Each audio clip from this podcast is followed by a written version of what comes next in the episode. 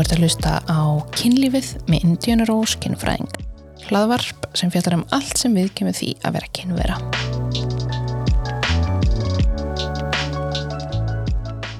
Góðan og blessaðan daginn, Hárún mín. Góðan daginn, Þú ert vinkonu mín, bestu vinkonu. besti vinkun. Núna er fólk að hlusta bara, vill engin annar koma til hennar en vinir hennar.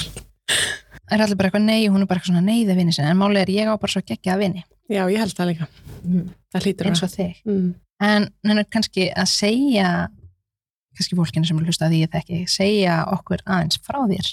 Já, ég heiti Hafrún, Elisa og er uh, starfsmar hjá Rauðarkursunum. Ég er hérna teimustöri í skaðamingunum þar og, og hérna og, og þess vegna er ég komin hingað held ég. Nei, við ætlum að ræða kynlífið þitt, eh, eins og ég var búin að segja. Það var einmitt það sem ég sagði við að ég er tilbúin til að koma að ræða allt annað en kynliðið. nei, nei, við förum í það. Kannski byrjum á að því þú ert í, Stopp. þú ert í skaðamingun. Já, já. Uh, og hvað, hérna, hvað fellir undir skaðamingun hjá Rauðakrossunum? Um, það er, það er verkefni sem heitir Frú Ragnir og er um, hérna svona skaðamíkunum verkefni og Mhm. svo vorum við líka með annað verkefni sem heitir Ilja og er neslurimi. Það var hérna opið ár en er loka núna. Þannig að það er svona þessi tvö verkefni sem fellur aðra undir. Og hvað er frúragnir? Frú Ragnir er sjálfbáðlega verkefni. Eh, Það sem að við svona störfum eftir þessar hugmyndafræði skamingun. Við erum sér innrættulega bíl sem að keirir um götur bæjarins og erum að hitta fólk sem eru að glíma við um, oft svona frekar flókin vímefnumvanda, Mhm. þungan vímefnumvanda og flest eru líka að glíma við um, heimilsleysi. Mm Kannski svo við segjum það núna, í þættinum munum við segja frúin, þá erum við að vísa í frúragniði. -hmm. Um, en kannski nefnum ekki að segja alltaf frúragniði, frúragniði, þannig að við tölum kannski bara um frúin. Mm En ef þú ferða kannski aðeins í fyrir fólk sem þekkir skaðamingun lítið, hvað er skaðamingun? Um, skaðamingun er sem sagt við notum skaðamingun til þess að reyna að svona takmarka eitthvað skona skaða sem getur myndast í alls konar áhættu hægðun og eins og hjá okkur fyrir Ragni þá notum við skaðamingun til dæmis að því að við erum að þjónusta þannig hóp sem eru að nota vímefni og þá aðalega vímefni í æð og erum sem sagt að reyna að koma til móts við þeirra þarfir og, og, hérna, og mæta þeim svona þeim stað sem þau eru á. Og erum að veita um svona láþröskulda helbriðisjónustu og, og, hérna, nálskipta þjónu til, til dæmis. Að við erum að reyna að koma veg fyrir að fólk fái alvarlega sýkingar í sinni vímefnunótkun, uh, koma veg fyrir uh, ótímabær uh, döðsföll, þannig að fólk sé ekki að taka ofstóran skamta af livjum eða efnum og við gerum það með því að koma með fræðislu, skamti fræðislu um til dæmis um, skamta stærðir, einmitt, þarna kom orðið. Eh, Svo erum við líka einnig að reyna að koma veg fyrir að fólk sé hérna svona blóðbarna smittsjúkdóma eins og til dæmis um, HVF og lifurbolgar C. Það er svona megin hlutin af, af skadmyndi humdfræði er að reyna að koma í veg fyrir sem besta skada. Já, mér finnst svo áhugavert með skaðaminguna því fólk fyrir eitthvað svona, já, er þetta ekki bara meðvirkni og það er bara eitthvað svona harskan sex, en skaðamingun er svo mikið, Mm -hmm. það bara smokkur, bara vinnan mín sem kynfræðingur, þetta er 100% skaðamingun, -hmm. fólk finnst það allt í lagi og bara Mhm. bílbelti, það er ekki eitthvað svona, já, þetta er bara helvitis meðvirkni með fólk sem fer í bíl, þú átt bara ekkert að vera í bíl, það er bara stór hættulegt, bara, Nei, við notum þetta svo, svo ótrúlega mörgum stöðum, Já. það er allt í lagi, og eins og þegar COVID var, Mhm. Já, við vorum alltaf að setja okkur grímu og þrýfa okkur hendunar því það er bara Einmitt. það er allt í lagi. En er þetta meðvirkni með öðrum hópum? Ég er ekkert eitthvað, já ég ætla ekki að vera meðvirkni með lungnaveikum þau bara geta hægt að vera með lélegu lungu. Einmitt. Og ég held líka að því að þetta er svona þetta skadmyndi humdfræðis er bara langt í frá að vera eitthvað ný hugmyndafræði. -hmm. en hún er svona, erum, það er meira verið að tala um hann á Íslandi og þegar við nefnum skamingun þá fer oft hausinni fólki beintum í þetta fólk sem er að nota vímefni og, og þá kemur oft fljótt inn í þetta svona er skamingun eitthvað meðvirkni eða eitthvað þannig. En skamingun er eins og það segir notið á bara svo allstar í samfélaginu okkur og í öllum stjættum já, og það er svona, það sem að við erum að reyna líka um þetta fræða hvað hva skamingun á við á mörgum stöðum. Já, þetta er bara oftast bara mjög flókin og erfið vandi hvað ef að gera líf þeirra flóknar og erfiðara. Einmitt. Og þú nefndi líka lág þröskaldu þjónusta. Getur þau kannski aðeins útskipt? Já.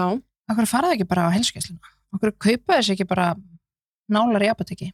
Góða punktir. Það er, við höfum séð það í gegnum árin og rannsóknir sína að, að fólk sem að nota výmefni og þá sérstaklega fólk sem nota výmefni æð eru upplega oft mjög mikla skömm og upplega mjög mikla svona ræðusli frá öðru fólki.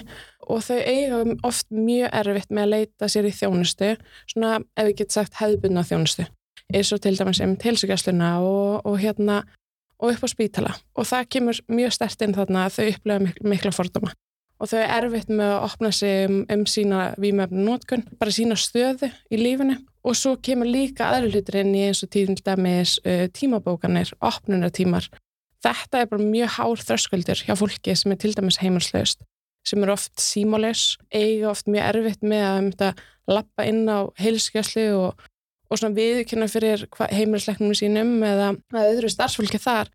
Að þau sé að nota výmefni af því að það er ólulegt í Íslandi og þarna er bara mjög stór þröskuldi fyrir því. Og þess vegna finnst okkur mikilvægt sem erum að starfa í, í hérna, skadamingun að reyna að minka alla þröskulda sem mögulega hægt er og þess vegna tala ég um láþröskulda í helbriðsjónustu að þegar í bílum hjá okkur þá getur fólk komið inn og, og hérna fá bara indislegt viðmót frá sjálfbóðleginum okkar og hérna og geta þá tala um sína výmefnum bara opinskátt og, og eru þurfu ekki að fjela eitt en eitt og þar er líka svona helsta atrið er að þau getur komað inn, tala um sína výmefnum og vita að þeim verður ekki refsa fyrir það að tala opinskátt um það. Það er mjög mikilvægt að við getum greipið fólk þarna sem eru mögulega kannski að fara að fá eitthvað svona síkingar og við getum greipið það áður en að fer í eitthvað svona starra vandamál til dæmis upp á landsbytala í langar einlagnir sem er að því við erum alltaf að tala um fjármagn mm -hmm. mjög kostnæðasamt og, og hérna, það er líka bara mikilvægt að fólk á bara öllum stjættum samfélagsins fái góða þjónustu og eiga öll rétt á heilbjörnstjónustu. Svo við segjum bara frá því það er svo sem ekkert lindamál og við kynntumst í gegnum þennan málaflokk mm -hmm. við vorum að vinna hérna í svona hvað, hvað heit þetta? Það var svona rosalangt nafn á þessu uh, tímabundi neyðarskifi fyrir heimilisaskonur í COVID. Í COVID, já, þannig svona þar kynntust við og ná, ég var líka sjálfbúðalegi í frúragnið mm -hmm. Því að þú ferði upp á spítala mm -hmm. eða helsugjastluna mm -hmm. þá ert þú bara skráður í sögukerfið mhm. bara, hérna, uh, heitir þetta ekki sögukerfi bara koma henni skráð mhm. en í frúragnið þú getur bara verið nafnlaus mhm. ég gæti komið og ég segi bara uh, ég sigga eina sem er kannski svona, þú veist að maður átti sig á hvernig, þú veist að því þið haldir rosa vel um tölfræðina bara hver er aldurinn og kannski við fáum allt svona postnúmer þannig að maður veit sirka, þú veist, ok, er þetta Reykjavík, er þetta Garðabær, er þetta Hafnafjörður mm -hmm. en við erum ekkert eitthvað heimilisvangu kennitala, Nei. en ef þú ferð á heilsugjastluna þá er það Já. og það eru oft rosa hræðisla við kerfið þú veist, bara heilbríðskerfið og velferðarkerfið og allt þetta, mm -hmm. af því það er svo miklu fordómar skömm, það hefur komið ítla fram með þau, þannig þið vilja ekki hafa þetta skráð þau vilja geta að fara að hitna einhvern og fengi bara samtal við að því það er alltaf hjúgrunafræðingur eða heilbríðstarfsmárum án þess að sé skráði einhver kerfi Algjörlega, það er ótrúlega dyrmætt að fólk geti um þetta komið og við viljum helst að fólk komið og segja okkur upplýsingar sem er með eitthvað svona gælunafn og, mm -hmm. og aldur og lögheimil og svo leiðis, það er svona ekki krafa fólk mm -hmm. getur komað inn og, og þarf ekki að segja nei, en fyrir tölfræðin okkar það er mjög dyrmætt að við getum tekið eitthvað saman, bara Já. fyrir málsvarstar, fyrir hópin fyrir þau sem leiti þjónust til okkar og það er bara dyrmætt að fá tröst frá þeim sem leita til okkar. Og ég líka tók svo eftir því að því þegar við unnum hjá Reykjavíkaborg og munurinn, þú veist, ég var kannski hitta saman fólki og þau vissalegi, þetta var ekkert eitthvað ég er í féluleiki frú Ragnhjarbílinum og þau eru bara eitthvað svona hægjandina vissalegi hvar ég vann en þau sögðu manni meira í bílinum Mhm. þau vissu og þau treystu manni bara sem sjálfbúðilega þar. Og svo kannski var ég með hann á vaktægin eftir. Mhm. þau nefndi ekkert af þessu. Einmitt kannski einhver síking eða eitthvað og ma- þú veist, þau vissu að þau gáttu að leita til okkar líka en þau gerðu það ekki. Nei. í vinnunni, Mm af því það er, það er vinnan og þar er tenging við alls konar kerfi. -hmm. en í vaktinu það er allt öðruvísi. Mm það, er, það er magna að upplega að, og við heyrum það mjög mikið frá sjálfbóðlegum sem eru kannski eit- eitthvað tengt málfráknum á, á öðrum stöðum. Að hvað það er, hvað, hvað sem magnað er hvað sem mikið tröst fólk ber til verkefnisins mm -hmm. og það er svona það er náttúrulega búið að vera margar ára að vinna og Ragnar opnaði árið 2009 og það er bara margar ára að vinna en það er bara svo líkil þáttur en þarna er líka hvað sjálfbæðleginnir okkar eru dýrmættir hvað þeim finnst mikilvægt að mynda bara svona safe space inn í þessum bíl mm -hmm. og það er klikka að hugsa til þess að það er bara eitthvað mjög safe space í einhvern hvítum sendiferðarbíl sem ekki heyrir um ómertur já, það, það er ruggla en það er eitthvað og ég held að það sé bara þarna líkil hlutverki er að koma fram að virðingu mm -hmm. og, og bara svona sína fólki skilning á stöðunum sem þau eru í Mm -hmm. og íta allir forræðis ekki frá Já. það er bara nummer 1, 2 og 3 í samskiptum almennt bara við fólk Mhm. og þannig viljum við koma fram við, við bara öll já. þannig að okkur er ekki líka þarna þegar maður var á vakt í vinnunni þurfti að vera með eitthvað svona ramma eh, og þú veist, en í bílnum er það ekki ég er ekkert eitthvað, herrið, þú verður hérna að passa að gera þetta þú veist, hérna, þú verður að taka þetta rusl út eða eitthvað algjörlega. Og þannig erum við bara til staðar já, og við, fólk er að óska eftir að við komum til þeirra. Mm -hmm. það er símanumar sem að fólk ringir í og við mætum að staðin til þeirra þar sem að því, þeim líður örugum og það er bara við sjáum bara hvað það er mikilvægt fyrir þau að þjónustan kom til þeirra. Já, kannski svo að sé komið skýrt fram og þótt að ég veit alveg en svona að því þegar við erum að tala um fólkið og þau og allt svona þá eru þetta við erum bara að tala um fólki sem er að leita þjónustuna. Algjörlega, ég er bara ég kemur það sem starfsmæður Rauðukursins og, og bara starfsmæður frá Ragnar og, og þegar ég segi þau þá er ég sjálfsög að tala um fólki sem að leitar í þjónustu til okkar. Mm það er ekki hægt að alhefa fyrir en hóp og núna er kannski einhver hlusta á hana þátt og notaði vímöfniæð og eru bara hvað eru þessar fucking tussur að bylla hvað halda þau að þau viti best? Mhm. og ég sé alltaf eins og ég er kynfrælsi bara ég veit ekkert best, ég, ég lesur rosa mikið og unnu við þetta lengi en Nei, ég er, þú veist eins og ég er með fræðslu um kynlíf og krabba ég hef ekki verið með krabba nei þótti ég get sagt ykkur rosa mest sniðut Mhm. en þið þekkið ykkur best Já, og, og þú veist, og það er eins og ég kom inn á aðan bara, bara fólki sem leitar þjónustan okkar, þau eru sérfræðingarnir Mhm. þau kenna mér og, og ég heyri reglulega þeim eftir bara að fá ráð frá þeim Já. með alls konar aðstöður og Mhm. þannig kemur einu notan með þjónustan og, og hvað, það, hvað hún er mikilvæg þau eru sérfræðingarnir ég hef ekki verið í þessar stöðu, ég hef ekki verið heimilslaus, ég hef ekki glimt við výmjörum vanda en það sem ég get sagt frá er það sem ég heyri bara þau sem leita í þjónust til okkar og, og þaðan kemur öll mín reynsla og þekking frá þeim. sem er líka svo umlegt að því að ég þarf að vera málsvari að því þið þann úti er ekki að hlusta á fólki og þarfina þeirra Mm -hmm. þegar þau segja vanta þetta þá er svona já já en ef að Hafrún frá Rauðakrossunum kemur segja nákvæmlega sama það er bara já Hafrún veistu rosalega góða punkt Mhm. við, við, við skoðum þetta Og það er umulegt. það er umlegt Það er það.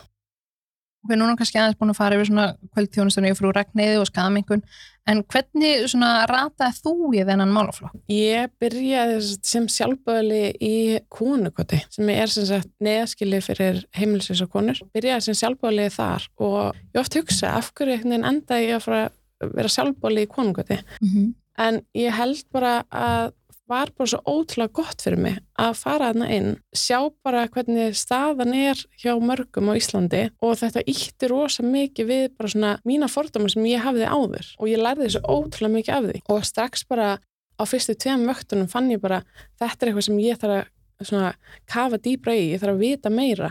En þetta er eitthvað sem mér hefur aldrei verið eitthvað kent, þetta er eitthvað svona eitthvað þáttur í lífinu sem ég bara hafði líka hugmynd um Mm -hmm. og, og það var svo magna að geta einmitt lært einhvern veginn hvernig forræðisíkjan mín var ítt henni til hliðar og, og læra bara af konunum sem voru að nýta sér konungöld. Þaðan kemur bara öll mín þekking er bara fólkin sem nýti þjónustuna sem ég hef verið að vinna í.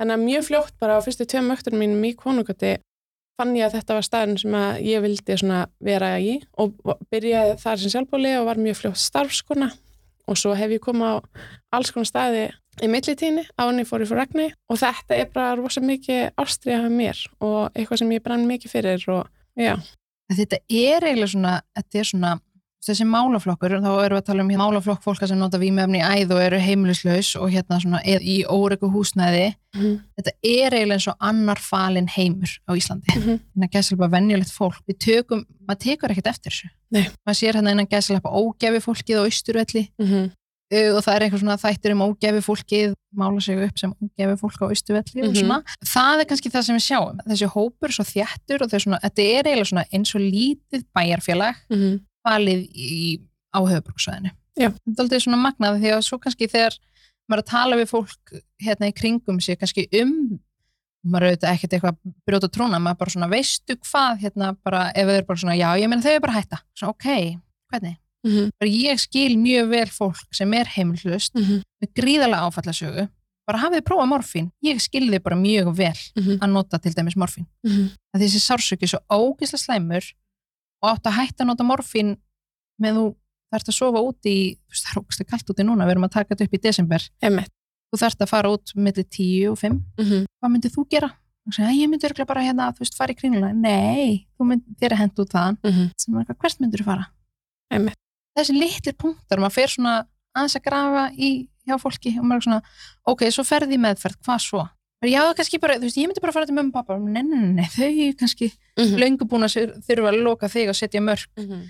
bara í gegnum vegindi þín og Mhm. þú getur ekkert farið þangað, hvert ætlaru? og ég held að það sé líka eitt svona stór partur af því sem ég fannst ég að læra mest á því þegar ég byrjaði það í konungöti er að ég hafði einhvern veginn ekki hugmynd og ég veit ekki okkur en ég hafði bara ekki hugmynd um að fólk sem nota vímefni og fólk sem er heimilhlaust eins og segir bara að fólk sem maður sér nýra bæ í svona er með eitthvað svona ákveðna hugmynd en þetta er bara svo miklu meira heldur en bara það Mm -hmm. og oftast er þetta fólk sem er svo langa og flókna áfallasögu og, og um leiðum maður bara í, í svona fyrstu samtölum sem ég tók það áttar maður sér á því hver örsökin eru, þú veist, Já. hvað, hvað þetta er og maður er svona, ég skil mig fullkomlega. Ég bara algjörlega, ég áttaði maður á því bara, vá, ég er búin að vera bara með eitthvað svo allt öðru þessu hugmyndir. Mm -hmm. bara, þú veist, ég var ekki úlingu þegar ég byrjaði að vinna í konungöti nei, nei, nei, bara fullorðin mannskja og ég bara svona, vá, hvað ég er búin að horfa allt öðru þessu á, hennan- á þetta allt saman. Mm -hmm. og að sjálfsögðu er enginn sem ákveður er nú ætla ég að vera heimilsus er nú ætla ég að fara að nota vímefni í æð. Nei. Þetta er svo miklu lengra dæmi svo flókin þróun að Mhm. komast að þannan stað Mm -hmm. í flest tilfelli er þarna mjög flókin og erfið áfallasá Já, bakvið og þetta er líka svona fólk held þetta snúst bara um kannski sjálfstjórn og bara eitthvað vilja, um bara vilja styrk já, er það samt Mhm. skiptir ekki máli hvaða sjálfstjórn og vilja styrk þú ert með glíma við hellað áfallsögu og kannski einhvern geðrannan vanda líka og kerfið er ekki aðstöði, þú ert kannski ekki mikið bakland eða ekkert bakland, þá er þetta ekki alveg viljastyrkur. Inn að gæsa alveg hvað við segjum að viljastyrkurinn ætti að vera. Mhm. Þetta er í alvegni bara fólki í þessum málaflokka eða svona fólkið, mest að viljastyrki heimi en ekki viljastyrkin sem við höldum að þau ætti að vera með að hætta að nota efni. Einmitt. Því það er bara ekki möguleiki fyrir alla. Og Já. er líka bara mesta siglan ég bara, það er bara það er magna að fylgjast með fólki sem er bara ítrekka sem er náttúrulega kannski ekki komin í þessu stöðu út af flokkni og bara svona miklu, miklu áfællisögu Mm -hmm. en við leiður orðin heimirislaus og þú ert komin í, á þann stað og þú ert að nota vímefni dagsdag, bara daglega sem eru óluleg og þú ert í alls konar harki, þarna bætast bara áföll á. Já, Það er mikið ofbeldi sem er þarna, það er mikið bara alls konar eimd og, og neyð sem er þarna og þarna bætast áfalli aftur og aftur, bara fleiri og fleiri áfall og seglan er mögnu að fylgjast með fólki sem halda áfram á hverjum einasta degi í harki Já. og gefast ekki upp og það er magna að fylgjast með því. Segjum að þið bara, ok, þið færi hérna í meðferð og jú, það er eitthvað huggulegt heimili sem tekur við, segjum það, draumi heiminum að Mhm. það væri bara beint úr meðferð í eitthvað huggulegt, hérna, vafin inn í búblurapp, þú þarft ekki að harka lengur. En þá koma, ok, öll fyrir áföllin og allt ótrúlega mitt ofbeldið og harkið öll áföllin sem varst fyrir og varst kannski vitni af í þessum tíma sem þú varst að nota vímefni að og það bara skellist í andlitið þess. Mm -hmm. það er ótrúlega erfitt Mhm. og það kannski byrjar ekki heimilis og fóst á notið, þú kannski, já ég átti heimili og ég átti kannski fjölskyldu, ég misti börnum mín frá mér, Mhm. ég er hérna búin að missa fjölskyldunum mína og núna á ég að díla við allt þetta án efna sem var kannski eini bjargráðurum minn Mhm. að ég hafði ekki hérna sálfræðastóð og ég hafði ekki stöðning fólks í kringum mig og ég missa allt er mm -hmm. og það er um líki latri þess vegna er fólk að leitast í þessi efni mm -hmm. af því að það þarf að deyfa sig þau, þau, ná, þau bara meika ekki að vera fara í gegnum daginn fara í gegnum öll áföllin endalust, allir tryggararnir án þess að deyfa sig með lifjum og hversu marga þekkið þú sem fari í happy klukkan 5 á föstu degi að því vika var svo erfið? Æmi. og það er, þetta er happy á hérna einhverju fínu hóteli nýri bæ? Mm -hmm. það er alltaf lagi, Mm -hmm. bara aðeins að höndla erfið þetta var ókslega erfið vika, tökum happy til klukkan 8, fyrir með mat og fyrir með svo heim. Fáum okkur 2-3 þar. Allir skilja það erfið vika, auðvitað fara það happy og fara 2-3 bjóra mm eða sumir jafnvel að fá sér bjóra hverju kvöldi bara til að díla við þetta og svo erfið dagur og krakkanir og Mhm. taka í vöruna þegar þeir eru stressaðir og drekka kaff drekka kaffi að því að vakna. var erfið Mhm. og... en nei, ekki nota að, og þarna kemur nefnt þetta líka inn að vímefni er ólega í Íslandi vímefni nótkunn er ólega í Íslandi og þau, þetta er svo langt í frá að vera eitthvað samfélagslega bara samþykk mm -hmm. en að meðan, þú veist, ég, ég er búin með tvo orkudrykki í dag, já, ég er meitt hér hvað er klukkan? og þú veist, hún er eitt, já. ég bara ég, ég náðu ekki að sopna í gær, Mhm. þetta er alls konar ég á bara mín bjargrað, það er til dæmis orkudrykki, það er, bara, það er alls konar hlutir Mhm. sem við leitum stað til þess að hjálpa okkur gegnum daginn, en þarna er líka bara, þarna er svo flókið það er svo flóknar áfyllasögur að þarna er leitast fólk kannski frekar í þess efn Já. en þau eru ekki samfélagslega sam samþygt kerfi vinnur ekki með fólki sem notar vímefni og, og staðin er að vera alltaf bara verra og verra og verri. Og þarna kemur inn jáðsetningin og þarna kemur inn allir fordæðin sem þau upplega Já. og það er bara fólk sem notar vímefni í æð og fólk sem er heimilslaus þau vita manna best. Þau, bara þau gaggrina sjálfið sig mest og það er svo algjörlega óþarfi að fara að bæta einhverja gaggrinni á þetta Já. fólk. Því spáðu líka, ef að núna það er bara, það er ólegt að drekka koffin mm -hmm. og þú bara, þú, þú áttir hérna og varst búin að sapna þér eða eitthvað, þú rættaði þér tveim koffindrykkum að þú vissir varst að fara að koma í þetta viðtal Mhm. eftir hátti og þú bara, ég þarf að meika þetta og svo kem ég og ég bara eitthvað, Hafrún er þetta orkudrykkur sem er hana veskin, ég sé það, Mhm. bara erst að djóka Nei, veistu, núna kötti ég á þetta viðtal og ég ringi yfir manni og þú verður reikin af því Mhm. þú varst með hérna þú varst að neyta ólöglegra efna þú varst í vinnunni þú missir vinnuna þína, hvað gerist þá? Þú þarfst að höndla það, Mm áfall. Þú séur ekki, ferði meira koffín. Fólk myndi skilja það, bara svona já, ég fæ ekki, ekki kaffi mitt. Ég verð að fá kaffi mitt, annars fæ ég hausverk. -hmm. já, ok, skiljum það, við skiljum alls konar bjargræði sem fólk Mhm. notar en þetta er, þetta má ekki. Nei. en að því núna er þessi þáttur í búið Durex, smokka. Já, og núna byrja Hafrún bara, oh, en vissur eru Hafrún þú ert aldrei að nota tvo smokka í einu því þú ert alltaf að segja, Indiana, ég nota alltaf tvo smokka Nei, öryggjotinn, ég segi nei Hafrún það er ekki öryggura ok, en eins og þú veist Hafrún, þá fæst Durex smokkar í öllum sjoppum, maturveslunum og apotekum. Já, Og, vissur Hafrún? Þetta sko, ég elska að segja fólki frá þessu. Það er 30 daga unaðstrygging það er magna. veistu hvað það er Hafrún? Nei, ég veit ekki. þú getur kæftið tæki, Mhm. bara heim, prófa. Svo fílar það ekki. Já. þú fer bara aftur í alko og segi ég ætla að fá að skilja þessu Það er að gegga góð trygging. það er mjög góð trygging og þau eru ekkert eitthvað byttu, ég ætla að testa svo segi ég þér. Að því eins og vinkur mér, hún kefti kynstæki annari veslun, um daginn ég skamma hana reyndar fyrir það. Að því svo var eitthvað svona, það var bara gett mikið háfaði hún eitthvað, ég á mörg tæki. Og þetta, hún eitthvað, ég held að þetta sé bara bilað. En hún hafði, ég eitthvað, hafði bara samband við búina hún gerði það. Og þau bara, já. Ég bara, ég, ég myndi mér þess aðstæði bara, þú getur komaði við skoðum tækið Nei. og látið þið vita, þau þurfa að meta það. Ég bara, að því spáðu ferð og þú ert eitthvað svona, nei, þetta er ég alveg vissum að þetta sé bila og þau eitthvað, nei, þetta er ekki bila, þú bara eitthvað já, já, ég tek þetta bara aftur heim. Og notar þetta aldrei aftur. Nei. þannig að þetta er geggjað. Og líka, Hafrún, mjög gott fyrir þig að vita. að það er hægt að panta án kennitölu á netinu. Ó. í þa þarna, þarna lifna Hafrúmi sem sagt þannig að, þú veist, að því maður oft eins og þegar ég panta eitthvað í Elko gerir maður á kennitölunum bara upp á að skila því skilur, en þú getur panta án kennitölu þannig að kærstæðin veit ekki hvað varst að panta þér þegar hann er að sko heimilsbúkaldi en Mjög cool. höldum áfram til að bjarga Já, þér flott.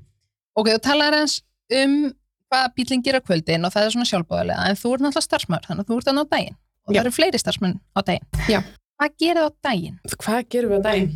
Svona, það sem við gerum svona, já, svona meginatri er að fylgja eftir málum sem kom upp hjá okkur á kvöldin. Við erum, sagt, að þegar fólk kemur í bílinu okkur á kvöldin þá er það að fá svona þjónustöðna inn í bílinum og eins og ég sagði áðan, eitthvað svona helbyrðustjónustu kannski, um, nálskipta þjónustu sem fólk getur fengið búnað og, eða ónótaðan búnað og, og alltaf eitthvað svona næring og svo eru bara sjálfbjörnleginir okkur mjög þjálfæri í því að taka alls konar spjöll Mm. og við erum að veita mjög mikinn sálunar stuðning á vöktum hjá okkur. Sem er eiginlega bara mesta sem að gerði. Algjörlega, það minnsta, er það. Eða sem að gera, minnsta er eitthvað hérna eru nálar, það er bara svona leiðin út. Já, eftir kortur, maður er eitthvað, herðu, vantaði ekki búnað? Já, það er þessi sálunar stuðningur og svo svona skamingandi fræðsla. Og hérna, og þau skima mjög mikið eftir því hjá þeim sem koma í bílinn til okkur á kvöldin. Það sem við gerum á daginn er að, grí, erum að grípa svona þau mál sem komum upp á kvöldin sem að sjálfböðuleginnir okkar er að meta þurfi svona aukna þjónustu eða og það er til dæmis að heyra í félagsákja fyrir fólk fara með því viðtöl, fylgja með því viðtöl. Mjög stór partur af því er að sækja um fyrir fólk í meðferðir og fylgja um svo í, í meðferð. Fara með til um, læknis helsugæstilna og svona reyna einhvern veginn, við reynum eins og getum að grípa fólk og koma um áleis í viðegandi þjónustu. Að því að mikið af fólki sem að leita til okkar hafa kannski bara ekki hugmynd um hvað þjónustu þau er rétt á mm -hmm. og okkur finnst það greiðalega mikilvægt að fólk viti af því og við reynum að koma í máleis í þær þjónustu. Það sem við erum líka að gera daginn er til dæmis eins og að mæta í podcast og mæta í alls konar svona uh, spjöll og bara svona málsvara starf og, og hérna við gerum það með því að við erum til dæmis í fjölmjölum og, og hérna reynum við að vera duglega að láta vita af okkur. Við reynum eins og við getum að koma skilabóðum, það var þess að áleiðis til annara, bara til kervisins og í fjölmjöla og í samfélagi sem við erum að heyra frá nótunum okkar. Mm. Það er líka svona líka hlutur í málsvæðastarninni er að rödd þeirra heyrist og, og skilabóðum frá þeim komast áleiðis. Þau vilja svo mikið að rödd þeirra koma framfari og þau eru bara já, nennir please að segja frá þessu. Mm -hmm. Nennir, bara nennir einhver að hlusta á okkur, nennir einhver að taka eftir okkur mm -hmm. og mhm. vita að við séum hérna og við erum fólk, við erum ekki bara eitthvað útigangsmenn á austurvelli bara við erum fólk með nöfn og mm -hmm. áhyggjur og líðan og tilfinningar mm -hmm. þannig að það er svo mikilvægt einmitt að það er svo geggja að það er eitthvað sem þau treysta til að mhm. grípa þau og fylgja þeim í þjónustunar það er líka eins umlegt og það er að þegar maður fylgja þeim í þjónustu mhm. allt annað viðhorf mm -hmm. sem þeir fá mm -hmm. við hendur tók eftir því oft horfað þú veist maður kannski fyrir til læknis og læknirinn tala við mig mm -hmm. það er mjög klassist ég fari til svo margra fari með fólki í svona alls konar þjónustu og það er mjög klassist að, að það er einhvern veginn tala við mig Já. heldur en manneskuna sem er á staðnum til þess að leita í þjónustu og þess vegna finnst mér svo ótrúlega mikilvægt að muna alltaf og fólk sem er að þjónusta þannan hóp þetta er ekki við sem erum að upplifa þessa stöði og þetta er ekki við sem við getum sagt frá. Við þurfum að í öllum þjónustum að vera með eitthvað notundum með þjónustu og það er bara líki ladrin og það held ég sér líka stór hlutur af því hvað við erum með dýrmætt tröst við hópsin sem leita til okkar. Við tökum yngar ákvarðinu, stórar ákvarðinu í þjónustunum okkar nema vera í samskiptum við notundur okkar. Það fyrir allt í gegnum þau, að þetta er þjónusta fyrir þau. Og líka bara litli hlut, þessar nálar eru hættar í framleyslu við erum að spurja fólki okkar hvernig nálar viljið í staðin Já. við letum þau fá nokkuð pröfu eintök mm -hmm. getur þið sagt okkur hvað þið fýlir best mm -hmm. af því að við sem dörfum í til dæmis frú Ragni við notum ekki við með efniæð við mm -hmm. höfum ekki þekkinga á því þarna er bara þau eru bara mikilvægast til þess að þróa þjónustuna og líka bara innan hópsin sem notar výmefni ja, sumir vilja stórar og þykka nálar sumir mm. vilja minna op, aðri vilja stærra og svona, það, það er ekkert að þetta vera bara nei það fá bara allir 5 millilitra spröytu og eina brúna nál. Það virkar ekki saman fyrir öll. Og það er líkil punktur líka í þessu er að þetta er svo mismunendir hópur. Þau eru mhm. öll mismunendir bara eins og við erum, erum öll mismunendir í samfélaginu. Og við þurfum að snýja þjónustu að þeirra þörfum. Einstaklismyndu bara að hverjum einum. En við kannski tölum aðeins svona hverjir er að nýta þjónustuna og þetta er kannski fólk sem notar fyrst výmöfni í æð og kannski langs stæðsti hópurinn heimilislaus eða í mjög óröku húsnæðis aðstöðu kannski mm -hmm. þú veist að þau kannski telja sér ekki að vera heimilislaus en þau eru kannski bara á sofa hjá vinn eða eitthvað, Mhm. hvern, eða kannski svona tala eins bara hversu fjölbreyttur hópur þetta er, bara svona allt þetta róf Mhm. kannski frá svona kannski hver er svona samþyktasti hópurinn, Mhm. þetta er hvað ég meina sem Í- leita til okkar þá Já. já, markhópurinn okkar Mhm. eru fólk sem er að nota vímefni í æð eða allan að nota vímefni og þá aðalega þau sem nota vímefni í æð og svo líka fólk sem er að klíma í heimilisleysi. En það eru samt bara öll velkomin til okkar. Við tökum á móti öllum en svona þetta er svona markhópurinn okkar. En það er náttúrulega bara til alls konar leiðir til þess að nota vímefni það er til dæmis eins og þetta að nota vímefni í æð en síðan er bara líka hópur sem er að stækka á Íslandi þar sem er, er fólk er að reykja vímefni og þá erum við alveg að tala um svona eins og reykja oxy, oxycontin og já, reykja alls konar vímefni og þetta er hópur sem að er að stækka. Við erum að reyna að, hérna, að þjónusta lík en er svona, þau þurfa öðruvísi þjónustu heldur Já. en það sem við erum að veita í fragni og fyrir þau sem þekki ekki oxycontin þá er það svona fó- ef að fólk hefur hort á hana painkiller og hvað hétt hinn þátturinn painkiller og eitthvað annars svona já, þetta er þú veist tengt þessum oxycontin faraldrið þannig að þetta er svona það sem mörg er að deyja af afskömmtunum af þessu lifi, þetta er mjög stert já, svona, þetta er bjóði já, já. já. Þannig að ég veit að þetta er markhópurinn en er þá þetta aðala hópurinn sem kemur í bílinn er einhver að nota í æð bara stundum eða er þetta allir sem bara eru í dags daglegri neyslu Mhm. hvernig er tilfinningi þín fyrir því? aðalega er þessi markkópur sem er leitt til okkar en að sjálfsög er líka bara það er fólk líka í samfélaginu sem að notar vímefni æð einstaka sinnum notar stundum kannski um helgar eru alveg í vinnu og með heimili og, og þau leita alveg líka til okkar.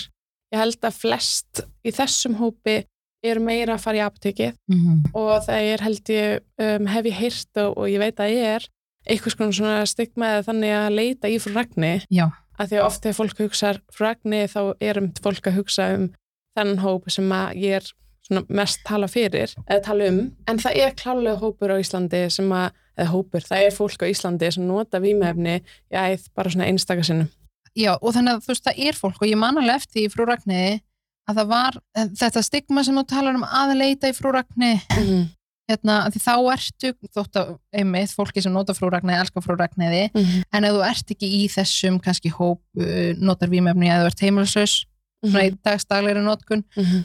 ert kannski með vinnu og innan gæðslega fungerandi það sem telst fungerandi í normun í okkar samfélagi? Og kannski átt heimili og þá kannski notkunin líka hún getur verið kannski helganótkun eins og helganótkun á áfengi eða öðrum vímefnum -hmm. af því svo ertu með þarna ákveð öryggi, þú ert með heimili, þú ert kannski með vinnu með örgatekjur, þú getur frekar einmitt þá farið í apotekið eins og nefndir aðan Mhm. í staðan fyrir að koma í nálaskipti þjónustuna -hmm. en þá greinilega hafa þau samt heyrt einhvað gott um frúragniði -hmm.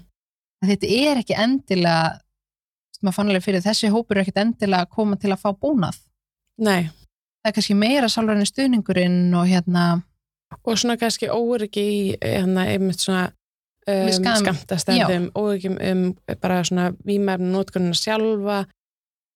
Hv- hvað hægt er að gera, hvað þarf að hafa í huga til þess að einmitt reyna að koma veg fyrir sýkingar og, og smitleiðir og, og ofskamtanir stór hópur er líka að leita til okkar sem er ekki leitað kannski til okkar endilega á kvöldin og, og eru kannski ekki endilega að nota vímefni í æð en eru að nota ópjáðu eitthvað annan hátt og þau eru mikið að leita til okkar til dæmis til að fá naloxon nefúðan. getur þú sagt aðeins frá nalagsóni Naloxon er nefúði sem er hérna spreyjað upp í nös. Þetta er bara svona eins og hvað heitir þetta, nasril? Nei, bara öll er nefsprey þetta er bara nefsprey, já, bara og tekur við kvefi. Einmitt. Og, og hérna mjög bara mjög auðvelt í notkun og það er spreyja upp í nef þegar það er grunur um eða að fólk hefur tekið ofstórun skamt af þessum ópíðalifjum og þá er ég að tala með eins og oxy, kontalgin um, öll þessi lif fentanyl og ópjóðar ef þú þekkir ekkert þennan heim þá ertu bara svona og halda þau séu bara þá að sprauta sig með bara öllu og engu. Mm -hmm. bara hvað sem þau komast í. Maður er svona nei, þú veist, ópjóðar þetta eru þessi svona sljókandi, slakandi þetta er svona, þú ert að fara í aðgerð þú farið þetta, þú ert farið beinbrot, þú farið ópjóða mm -hmm. en svo eru svona þessi svona örvandi lif Mhm. þá svona eins og að ég er þekkt bara við ADHD, bara svona rítalinn konserta, svona amfetaminskildi lifin amfetamin spíkt já, svona örvandi lif og svo þessi svona sljófgandi, það er kannski svona helst þessu tveir flokkar. Já, já, og mér finnst þess að því fólk heldur að fólk noti bara allt sem þau komast í maður er ekki, nei, fólk á oft svona svona sitt uh, genre, já, þú veist bara, ég nota örfandi sitt- ég nota morf, eða Já. svona ópjóða en síðan er svona þegar fólk er komið svo mjög flókin og þunga Já. vímefna vanda, þá er þetta oft samspil af alls konar efnum sem, Mhm. að, sem að er að blandast saman já, og það getur orðið svo hættulegt já, það það er kannski vön eða vant að nota bara hérna, amfetamin skildu lifin mm -hmm. og færð svo að prófa hitt og Mhm. kannski fattar ekki hérna, samverkandi áhrifin á hverju öðru Mhm. og eða blanda áfengi með hérna öðru svona einmitt, þarna, bara, þarna getur verið mikil áskömmin hætta. Mhm. og þarna er svo mikilvægt að fólk sem að, að fólk fái fræðslu um vímefni og einmitt hvaða efni er varasamt að blanda saman og, og hérna og hvað eru svona enginn af ofskamtun þar sem að þegar fólk er búið að taka ofstóran skam og það er svo mikilvægt að fólk fái þessa fræðslu og, og við reynum eins og við getum eftir bestu geta að fræða fólk um það án þess að vera með eitthvað svona forræðisíkju já og hérna og svona reynum að fá leiði frá fólki að fá að fræða. Mhm. en síðan eru þau náttúrulega líka bara mestu sérfræðingarnir sem eru að, leita til okkar og þau kenna okkur. Það gríðarlega mikið. En, en nálgsun er sem sagt já, nefúið sem mjög auðvöldur nótgun og getur komið veg fyrir að fólk um, bara degi vegna afsköndun á þessum ópjóðalifjum að því þetta er rauninni svona blokkarar ópjóða viðtakana í heilanum. Að því þú ert að taka ópjóða lif og ert búin að taka ofstóran skam mm -hmm. og þá hægist á andadrættinu þínum Mhm. og hjartslættinu þínum og það er rauninni, þú veist, það er þá hjartastopp Mhm. bara þegar það hægist svo mikið en nefúðin þá blokkar þessa þannig að það hættir í rauninni að hægja á nálgsun efnið er sagt svona frekara heldur en þessi ópjóðalifjar og setjast á þessa heilas Þannig að viðtakana. viðtakana og, og hérna íta ópjóðan í burtu Já. svona auðveld að kannski svona við erum ekki læknar hér Nei, þetta er svona mjög auðveld útskýring Já. á hérna, þetta bara blokkar þannig að hættir en ekki það þetta er svona skyndihjálp. Já. gefur þetta og þú ringir samt á sjúkrabíl líka þú ert ekki að eitthvað klappa og klárt kalli minn. Nei, þetta er bara nummer 1, 2 og 3 er náttúrulega alltaf að ringja á sjúkarbíl og maður hefur áhyggjur af ykkurum en þetta er fyrsta skrefi á meðan maður er að býja eftir sjúkarbíl Já, það sem ég finnst svo gott við þetta ef ég myndi sprauta þessum nefið á mér núna það gerist ekkert við mig. Nei. Þannig ef að, eh, segjum að ég sé hérna niður í bæi og lappa og ég sé einhvern liggjandi ég gæti alveg sprauta upp í nefið á Algjörlega. E- ef hann er bara, hann datt eða hann er bara hérna í síkufalli eða eitthvað Já. það, gerist ekkert slæmt við að nota hann Nei. en þetta gæti mögulega bjargað einstaklinga með svo frábært að það er hægt að nálgast þetta hjá ykkur þú veist, nálgast nefn frítt Já. að eiga þetta bara í veskinu sínu að því ef þú ert niður í bæ eða ef þú ert í einhverju partíi mm -hmm. Og það er einhver dettur einhver út og þú er bara svona, eru þið áfengistöð eru þið áskandi, ég, ég þekki sem manneski ekki Mhm. sprauta bara í nefið. Algjörlega, það er bara, það hefur engin slæm áhrif og, og það er bara ótrúlega örugt og, og ég fyrir aldrei neitt nema ég sem er nálsson í, í vaðsson sko. en ég er náttúrulega líka er, hérna, er bara oft í kringum fólk sem eru ofta mjög sterkum, sterkum lífi. Mhm. en þar kemur líka inn í hvað er gríðarlega mikilvægt að fólk sem að notar vímefni eru alltaf og sérstaklega þá þessi ópíða lif séu alltaf með nálsson nálagt sér af því að það eru þau sem eru fyrsta staðinum eða, eða eru á staðinum Mhm. og geta greip inn í og bjarga þá vinum sínum eða fjölskyldu. líka þetta með ofskömmtun að því fólk svona, ofskömmtun tengir það mest við mitt bara já þú ofskömmtar að þú varst að sprauta þig en ofskömmtun af áfengi er bara gríðarlega algeng og Mhm. samþygt Mm -hmm.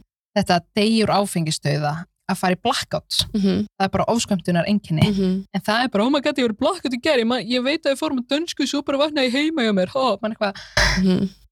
Elskar mín, þú varst að ofskamta Já, er klálega. Þannig er bara að því að áfengi er svo samfélagslega samþykkt hjá okkur og, Mhm. og, og, hérna, og er náttúrulega löglegt. Já, og svo bara rand tvö kvöld, bara já, ef að tala um að þú ofskamta er í gær Einmitt.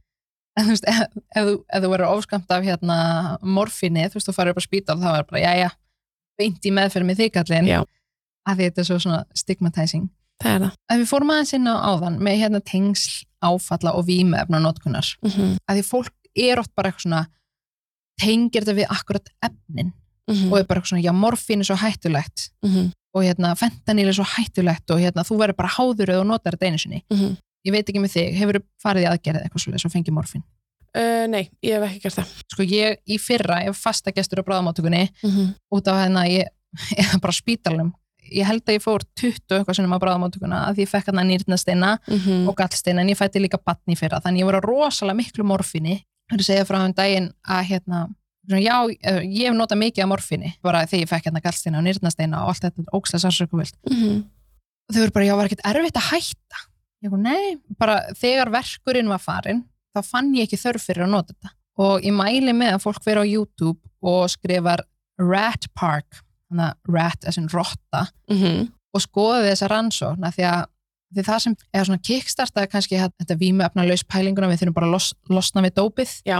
er að það var svona rannsókn, það var rottur tekn og ég veit að þú þekkir þetta Mhm. ég var svona að segja hlustundilum Endilega. frá því það var rottur teknar og þær voru sett bara hérna í svona, hvað segir maður, rottubúr og svona Mhm. vísindastofu eh, fullt af rottum í alls konar búrum Mhm. og læstar henni í búrunu og þeim gefið vatn og svo var- þeim gefið svona, svona vastungur nema þar var held ég óbjóði hvort það var morfín eða eitthvað svona vímuefni Mhm. og ótrúlegt en satt þá urðu það þær háðar vímuefninu Mhm. og vildi alltaf bara það, fór í frákverðu þegar þetta var tekið og og þarna var bara fullkomna skýringin, það er bara morfínið í þessu og þau eru þið háð þessu og þetta er stór hættulegt sem meikar sens, mm -hmm. þú ert Mhm. bara já, þau vildi ekki vatni, þau vildi bara morfínvökuan Einmitt. og þarna var þetta svona, ok, við þurfum bara að losna við efnin, hérna fíknefna löst Ísland ár 2000, eða eitthvað, var það ekki 2000 sem áttu að vera bara minni Ísland það, og það átti bara, bara að losa okkur við efnin og þá er vandin farin Já. En þetta er auðvitað flóknar en það af því að svo var þessi svona rannsókn tekin aðeins grefinu lengra Mhm. rottuna voru settar í búri þegar voru gefið vatn og þegar voru gefið hann morfinvökuan og allar eru þið háðar morfinvökuanum Mhm. en svo voru rottuna teknar settar í svona stærri, svona rat park og þar fengu þær þær fengu hann að litli hjólu sín og þar voru allar rottuna saman og þær fengu allan matinn sem þær vildu Mhm. þannig að þetta var svona þessi tengsl og hérna bara svona Meiri virkni. meiri virknu og þarfinar þínar eru uppfylltar Mhm. þær voru allar orðnar háðar morfinu þannig að byrjuði morfinu og svo, svo bara svona hætti þær því Mhm. smá og smá saman Mhm. og voru bara að drekka vatni og leika hérna við rottu vinni sína og gera rottur hluti, ég veit ekki alveg hvað rottur gera og þetta er svo lýsandi fyrir því að það, er daglega fólk upp á spítala að fá morfín og eins og ég, ríðalega mikið af morfíni sem ég Mhm. notaði í fyrra Mhm. ég væri eiginlega til að sjá hversu mikið það var Mhm. Að því að tímabilið var ég bara daglega annað hver dag upp á spítala að fá morfín en svo fór ég bara heim í mitt öryggu heimili hafði enga þörf í morfínu Nei.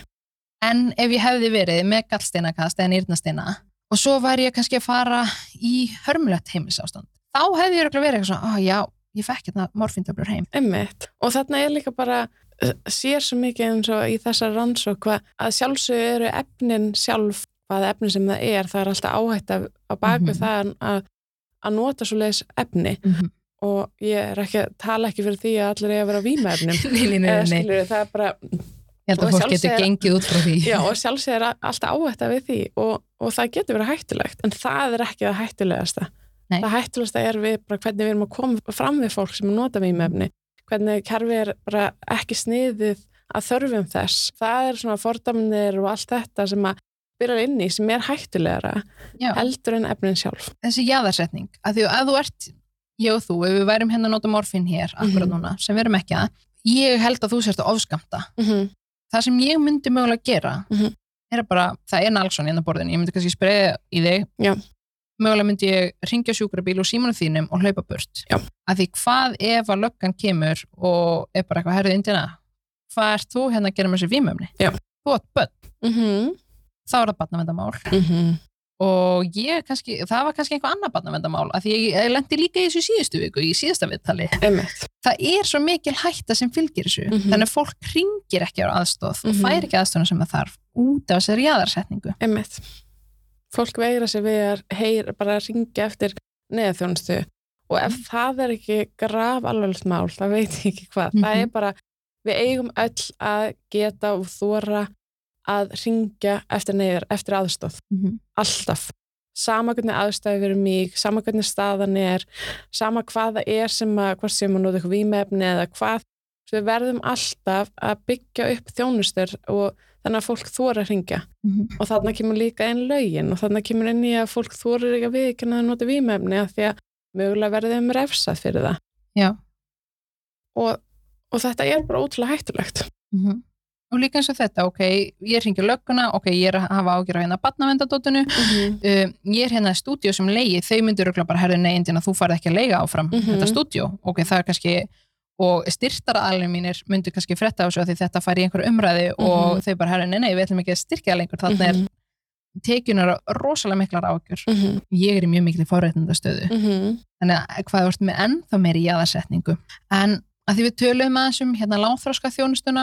hvað Þroska. lágþró, Láþröskulda. lágþróskulda þjónustu áðan var þetta bara almennt í hérna helbriðskerfinu Mm. en getum við aðeins tekið vingilin með eins og kynhelbriðis þjónustu Já. að því við töluðum áðan bara það er klukkan hvað er opið og komast ángað og hérna fordómanir og það kostar peninga hvað, hérna, hvað er svona kynhelbriðis þjónusta sem, er, sem þú kannski hefur tekið eftir er erfitt fyrir fólkið í málaflóknum að nálgast út af þessum þáttum sem við höfum verið að tala um Já, þarna kemur aftur inn í bara það sem ég sagði hérna áður fyrir að hvaða er erfitt fyrir fólk um, sem að nota vímefni að leita sér þjónustu, heilbrið þjónustu og þarna kemur sama þetta inn í með kynheilbrið að því að sérstaklega svona fólk sem við erum að þjónusta eins og ég búin að segja margóft eru bara greiðlega aðsett og nota vímefni og daglega og þurfa einhvern, veginn að fjármagna þessa notkun. Hún er ótrúlega dýr um, vímefni notkunin sem maður, maður er að nota upp á dag oft bara oft yfir daginn hún er greiðlega dýr og þú þarft því miður að fara alls konar leiðir til þess að fjármagna þessa vímefni notkun. ef kannski leiðum fólki átt að sjá hversu dýrst að ég held að fólk er eitthvað svona já dýrst en fattar það ekki Einmitt. en eins og því mér minnir þegar ég var í málaflóknum hvað var ein oxíða konta kannski sex úrskall Já, ein oxykon, já, ein oxytabla í kringum kannski 6 krónur. þú er kannski þrjára dag, er það ekki svona raunhæft? Jú, fyrir alltaf eftir bara hvernig vímefnandin er en jú, svona, svona jú, kannski svona einhver meðal meðaljón, ok, en sex úrskallinu þrýr dagurinn er átjánskall. Mm -hmm. sinnum 30 Mhm. það er 540 skall mánuðurinn og fólk sem við erum að þjónusta eru flest uh, atvinnlaus mm -hmm. og eru þá á um, styrkjum frá sveitafélögum sem að um, við bara getum gert ráð fyrir og ég veit það er alls ekki 500.000 mánu og þótt að vera sko 540 Já. segjum að bara, já, dekkar vímefnum neysluna, Já. sem það er ekki Nei. bara borða drekka, Mhm. næra þig fara til læknis, fara hérna mm -hmm. þú er kannski með hérna íbúð Mm þannig að þetta er svo, já, allavega ok, fólk er að nota alls konar leiðir Já, þannig að fólk neyðist oft til þess að fara alls konar leiðir til þess að fjármagna vímjarnótkununa sína og, og til dæmis eins og fara mörg þá, þá leið að fjármagna með því að fara í kynlífsvinnu kynlífsvinnu. Mhm. og kynlífsvinna sérstaklega Íslandi og örgulega annars stæri heiminu líka er mjög mikið feimnismál fólk er ekki mikið að tala um það ofinskátt að þau séu kynlífsvinnu. Og, og þarna er bara fólk með miklu forduma fyrir þessari vinnu.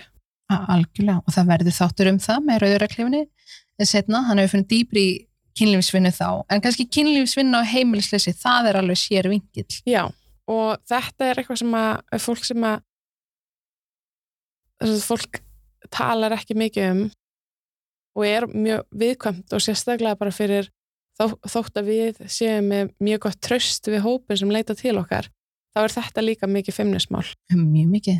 mm -hmm. og, og við, það er svona við reynum að fara rosa mikið fínt í svona þegar við erum að fara í þessi samtöl og eins fínt að við getum. Og það er stundum er það bara litlir puntar er eins og við erum alltaf með smokka í þjónustun okkar í bílinum við erum alltaf með uh, gott eðgengum að smokkum, að um, sleipefnum og, og fólk er ofta ekki tilbúið til að tala um þessa vinnu sína um, eða þessa, já, um vinnuna. En við reynum um þetta minna það á að við séum með smokka og sleipefni um, sum sem eru meiri til að opna sig með kynlinsvinnuna og opna sig með, opna sig með hana reynum að grípa eins mikið að við getum.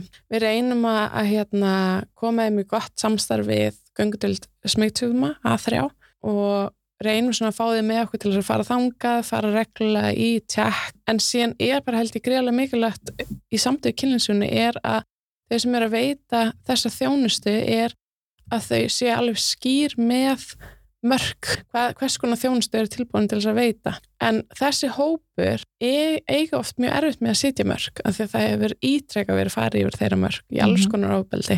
Þannig að við reynum okkar besta að, leiðbuna þeim í því að finna sín mörg til þess að þau séu eins örug og hægt er í sinni vinnu. þú ert í þessum hóp og það er, það er kannski svo mikið neyð tengd við kynlífsvinnunni að því fólk fyrir kynlífsvinnu á alls konar ástæðum og fyrir meiri það í setna öðrum þættum kynlífsvinnu en eins og þessi þau eru að gera þetta kannski fyrir þakk yfir höfðið Mhm. yfir kannski bara þessa nótt eða efni þegar neyðin er svo mikið í efnin og að því að frákvörf frá efnunum er líka bara stórhættuleg, Mhm. mjög erfið þá ertu kannski frekar að taka einhver áhættu sem þú hefðir ekki tekið Mhm.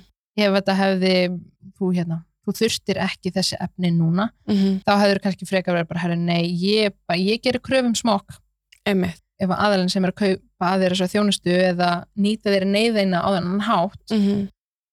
en gegn þessum skiptidíl efni og hérna tótt eða samfarir eða hvað það er Mhm.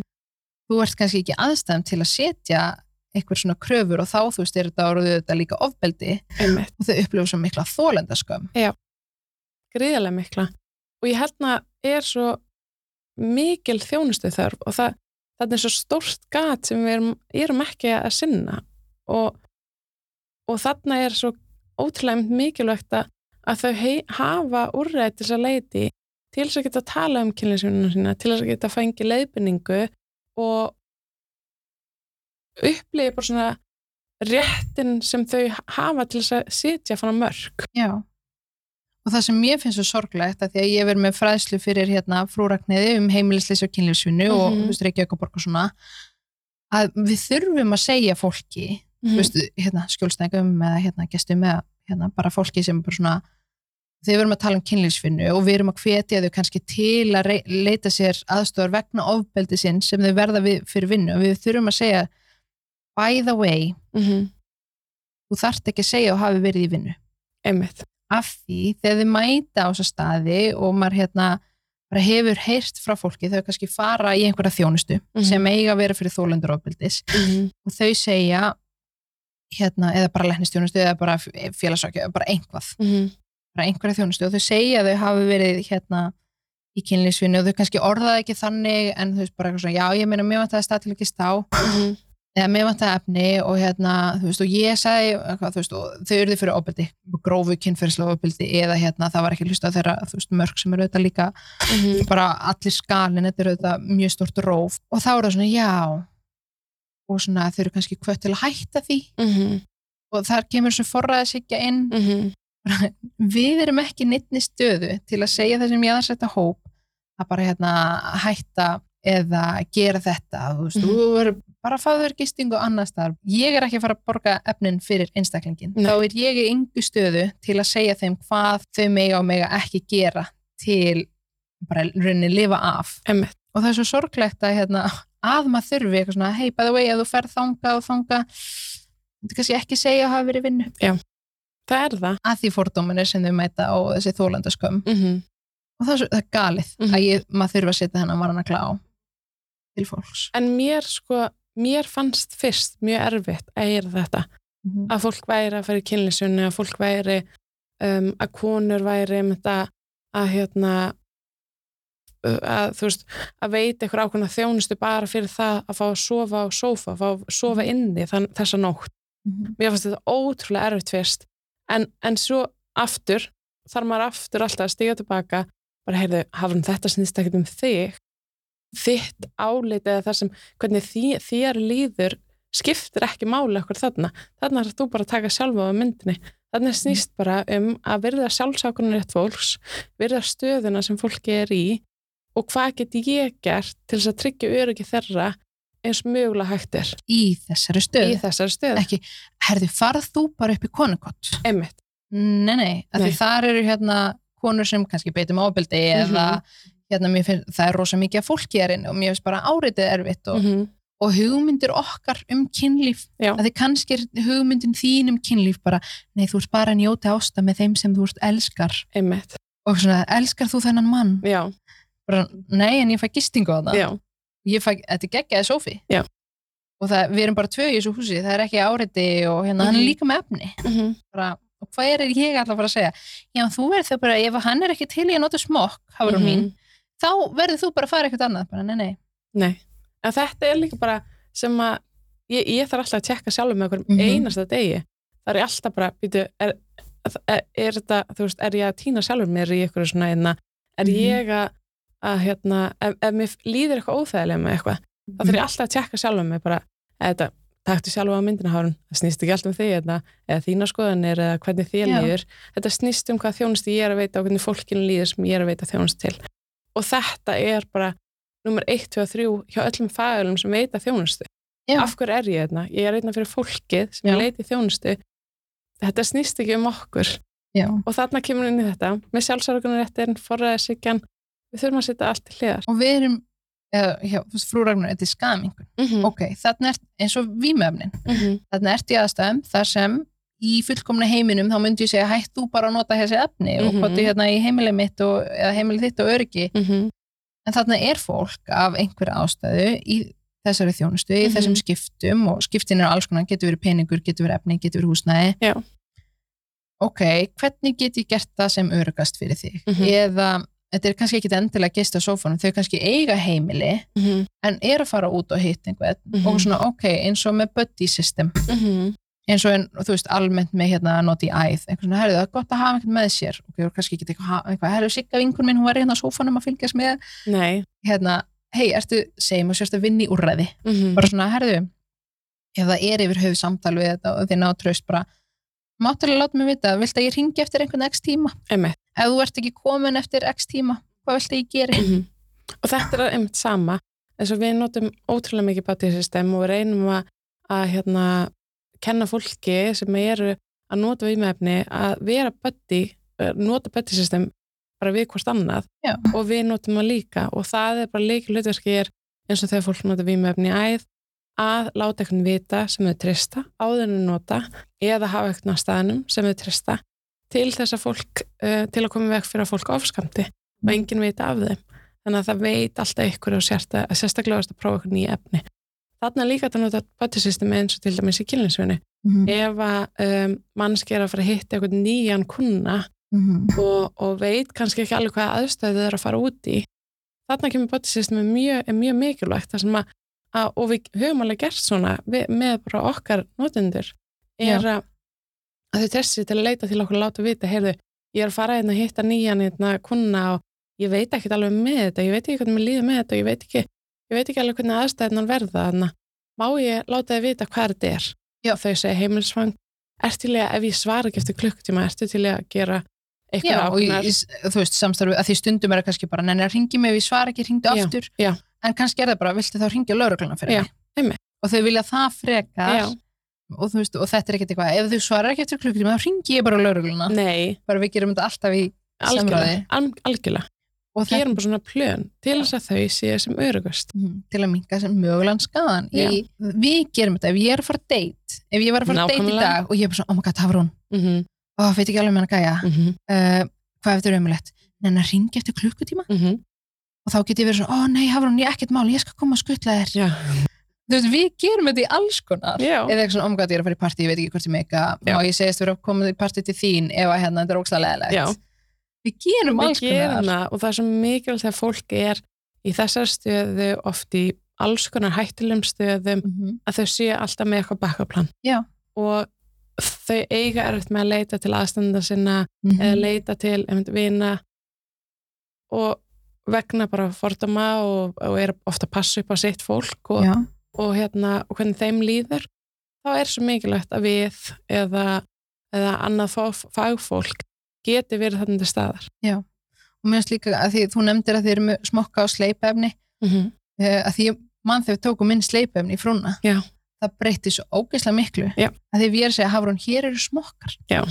að því að sm- smokkar þetta er svona hugmyndin fólks og ekki bara þessa hóp sem bara Mhm. eitthvað, þetta segja mér kynsjúdum Mm -hmm. eða bara, nei, ég þarf þetta ekki Já. Hva? að þau fá svo mikið það er svo sett á þau alls konar hugmyndi bara já, þú hlýtur hérna að vera í kynlísvinu en það var ekki nota þá og það var notandi eitthvað Mm -hmm. stimpil orð eitthvað svona, já, þú hlýtur að vera að selja þig hérna eru smokkar fyrir þig Mm -hmm. en um leið að við tókum sleipefni Mm -hmm. þá getum við talað um unað bara, Já. þetta er bara ógustlega næs Já. og því áhrifin af eins og summa livjunum er bara aukinn þurrkur og líka sem er oft næringaskortur, það tengist oft því líka Mhm. og svona já, þetta get nice Mhm. viltu nokkra smokka með það, viltu bara sleipefni að því sleipefni kemur ekkert eitt og sér í veg fyrir kynnsjúkdóma en það getur minka líkur á því með bara þegar minka líkur á svona þú veist þessum húðrifum Já, einmitt. og þarna erum við svona það er önnur skaðamingun þannig að þú ætlar að vera skaðaminguna sinni og getur ekki bara verið með smokka Nei, án þess að vera með sleipefni einmitt.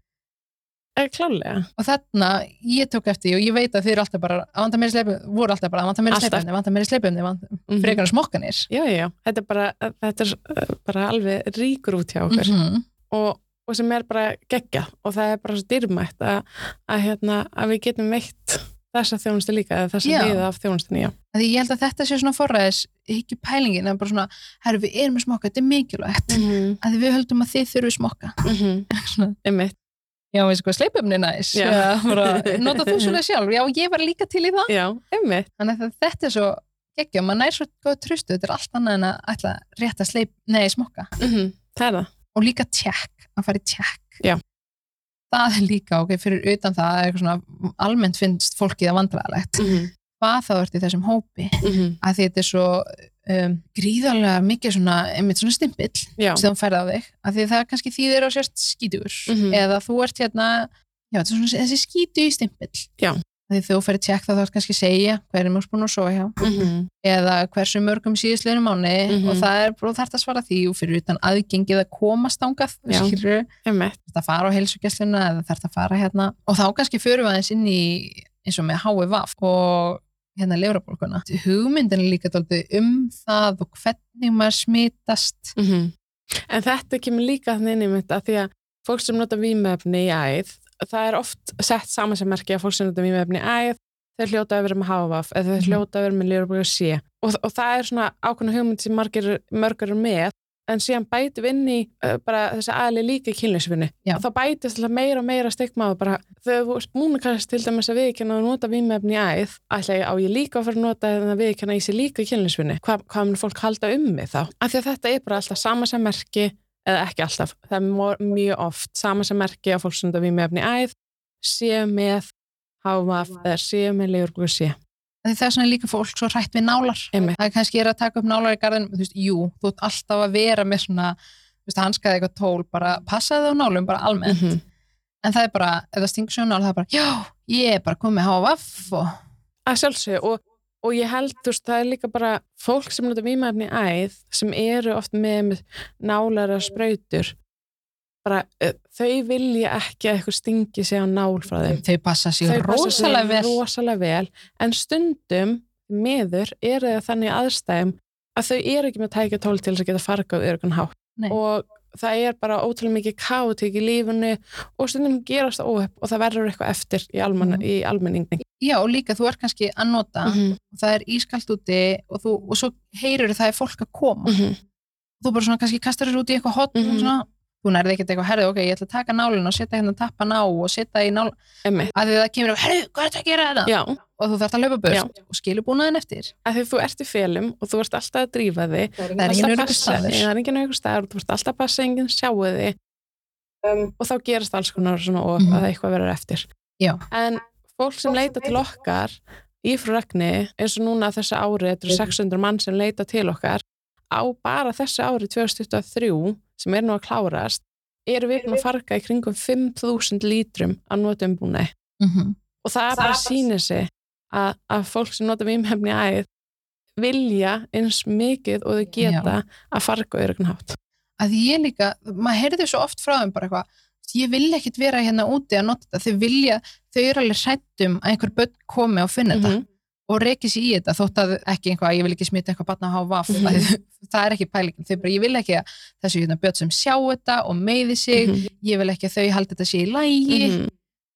eins og fólk umræðan er ofta eitthvað, já þau verða bara hérna að sprauta sig að miðri götu og þetta er einmitt gat bara, og þetta nei. kemur inn á bara það sem ég sagði þetta fyrir áður þau vita manna best Mhm. hvernig er hort á þau já, þau vita manna best hvað fólk finnst um, um þau við bara, ekki klálega já þau svona þau, þau eru alveg hrætt um sömu hlut og við, en Mhm. þau hafa hvað eiga þau að gera, Einmitt. þau hafa ekkert aðgengi að örgum stað og, Mhm. en ef við höldum áfram með hana HVF pælinguna Já. að þú stingur nál að því að ég held að fólk heldur að það sé svona 100% líkur á því bara þú Já. stinguð að nál og færið HVF ok, fyrir utan ef að blóðið er bara harnað og gamalt þá- þá minga ennþá meiri líkunar Mhm. en þótt þetta væri væri blóð Mhm.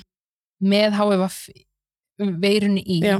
þá eru samt litlar líkur á að þú munir endilega fá Að- HVF. já. Það eru, um, ég held að sé 0,3% til 1% líkur á að þú smitist að HVF af þess nál það sem er HVF meira. og ég held að fólk veit ekki alveg að bara skiljanlega Mm -hmm. ef að ég lendi í þeirri aðstæðum ég er hérna, að taka til í garðar mínum eða ég er eitthvað stáður, ég sting með notar nál Mhm. heyrðu þá strax í landspítalanum Mhm. Af því þú getur fengið þetta svona post-exposure liv Mhm. sem þú tekur þú, og það helst að taka þau sem fyrst held ég bara helst innan 72 Mhm. tíma þannig að ef að blóðið fór og þú varst þannig að þessi partur af þessum 1% hann er 0,03 til 1% Mhm. svona blóðið og veiran er bara eitthvað mm, syndandi niður, Mhm. þá er hægt að taka lif beint eftir Já. og það bara, ef þú stingur það á nál bara ringdu strax í landspítalan Við erum með gríðalega góða dild hérna á Íslandi sem Mhm. heitir A3 eða kalla A3 sem er göngudeld smittjörnuma. Já. Um, sko, starfi sem er þar er magnað. Þau er halda, þau eru við, við erum svo í ótrúlega góðu samstarfi þau að þau eru með svona látróskölda heilbreyðsjónustu líka sem við leitum mikið til og eru með halda ótrúlega bara vel utan um fólk sem eru að hafa vafliðum hérna í Íslandi -hmm. í þessum hóp sem að eins og fólk sem nota vímefni í æð það er ekki búið að vera neitt það er ekki búið að nýtt um, HVF smitt síðan árið 2018 Já, og ég held að fólk er bara hmm, einmitt, hafur hún mætt að ljúa bara, nei, nei að því að fólk sem eru, á, sem eru með HVF sem eru að HVF livjum eru ekki smittandi og, og A3 halda greiðlega vel utan um þetta fólk með stuðning og, og bara með lif- þessum lifja meðfram já, hérna og einmitt þetta, þessi HVF lif Mhm. bara ef þú ferð á segjum að ég fengi HVF -hmm. bara í dag -hmm. og ekki þú líkunar að við, og ég fer hérna upp á spítala ég fæ HVF lifja með fyrir og ég, ef ég bara lifja, bara ég tek lifjanum vel og svona það er til alls konar lif sem ég þá kannski prófa Mhm. ef ég er bara komin á lif sem virka vel fyrir mig, þá er ég og þú að fara að lifa alveg jafn lengi Mhm. og deyja út af bara einhverju öðru, ekki út af þetta er ekki eins og þetta var með. HVF að það var bara dauðadómur, sem það var vissulega en þetta er líka kannski svona fórdaman og hræðslan tengt því og jáðarsetningin sem almennt fólk verður fyrir ef það er með HVF, hvað þá ef það er í þessum málaflokk um, og það er að því ég vann í þessum málaflokk ég veit hvað er vel haldið utanum Mhm. fólk sem er með HVF í málaflokknum Mhm. og þau eru fara reglulega í blóðpröfu til að gá bara já, ok, nei, veiran, jú, þetta er bara í, þú veist, þetta er í núli eða þú veist, þetta er mjög lágt, Mhm. þú ert ekki þú smittar ekki við hérna kynlíf og blóð í blóð og, Mhm. En að sjálfsög, drátt fyrir þetta allt, það þurfum við alltaf að passa okkur og við Mhm. þurfum alltaf, hvort sem að fólk nota vímefni í æði eða ekki, við þurfum að fara að valega alltaf. En síðan eru brussu eins og ég sem hef stungið með, þú veist, fimm sinnum en hef aldrei Já. smitast hann einu. Það, er, það eru tilfelli sem er alveg svona, en, en þú veist, við verðum alltaf að passa okkur, þess vegna erum við líka einmitt í þessari fræðslu hjá Ífrú Ragni Mhm. er að hafa varna á að skipta alltaf reglulega umbúnað nota aldrei nota umbúnað og svoleiðis. Já, að því það er ekki búið að vera smitt síðan 2018 af ástæðu, Mhm. það er ekki bara tilvíðum Nei, og ég meina ef þú stingu þá heyrir bara í landsbytalunum Já. bara algjörlega. færð viðandi aðstóðu og ráðgjöf við því og þú ferð í test Mhm, og hérna mhm. allt svoleiðis, þetta er ekkert eitthvað, nei, nei, það er svo langt síðan. Nei, en, og þannig þið eru miklu samstarfi við smittsjúknumadeildina Já. Mjög miklu. Til dæmis erum við fórum við í átak núna nómber 2022 með aðþreim sem smittsjóðuneldinni Þar var hjúkunarfræðingur sem að var að starfa með okkur á daginn og við fórum í átak að, að skima eftir HVAF og lifurbólgu C. Ná, hraðapróf. bæði hraðbróð og blóðpröfur. Já. að því að við og bæði A3 sjáum að hvað er greiðarlega mikilvægt að koma alltaf með þjónustu til fólks Mm -hmm. sem eru í þessari stuðu bara, þið geta alveg komið til okkar og það kostar ekki neitt. Nei. sem er að vissuleiti eitthvað sko láð þröskuldur en stundum þarf bara meira. Já. og stundum þarf bara alltaf að, að svona snýða sig að þörfum fólks. Og við fórum í sem sagt, þessa svona herrferð eða prófum þetta að, hérna, að fara á vettvang saman landsbytalinn og regnir og vorum að skima eftir lífbúlsíu HVF og tókum þessar hérna aðalega blóðpröfur sem við tókum einhver hafðpróf, en aðalega voru það blóðpröfur og vorum að skima á sko sex mánum og vorum við að skima uh, 76 manns Já. sem við náðum á sex mánum og þarna kemur allt inn í bara trösti þú veist, þú lappar ekkert upp á mannsku bara hei, ég taka því blóðpröða þetta er nei, þetta er bara fyrir livrubólga háva? Nei, takk. Nei. Ég vil ekki að þú vitir það ef ég með Nei. En þarna er bara, þú veist, við bara erum að mæta fólks eftir þeirra þörfum og tröst sem er búið að byggjast hann upp. Og fólk vill vita, þau eru ekkert eitthvað, nei, Að sjálfsögðu. ég vil vera eitthvað laumupúkast, vonandi er ég að smita einhvern. Nei, auðvitað ekki. Þannig að já, 76 manns sem að hérna, við tókum pröfur hjá og það voru í kringum 16 manns sem, að, hérna, sem fóru meðferð við Liverpool C, enginn að hafa en við Liverpool C og það voru 14 manns sem að kláruði þessa meðferð hjá okkur á þessu Já. halva ári. Spóka það er frábært. Þetta eru magnaði tölur. Af því þetta er kannski, þessi 16 manns hefði ekki endilega leita sér, farið upp á að þrjá í test, Mhm. þótt að við að fólki er að gegja Mhm. og hérna, það kostar ekki ert Mhm. og þau er svona, jú, jú, það var, það var alveg sniðt, það var alveg sniðt, Mm -hmm.